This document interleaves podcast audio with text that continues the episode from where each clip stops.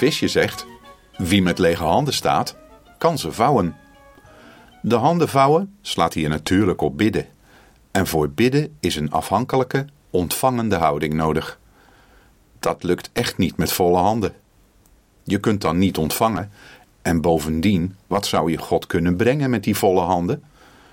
In Matthäus 7, vers 7 staat over dat bidden: Vraag en er zal je gegeven worden. Zoek en je zult vinden.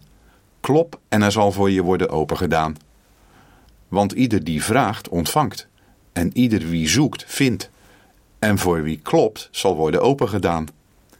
Is er iemand onder jullie die zijn kind, als het om een brood vraagt, een steen zou geven? Of een slang, als het om een vis vraagt?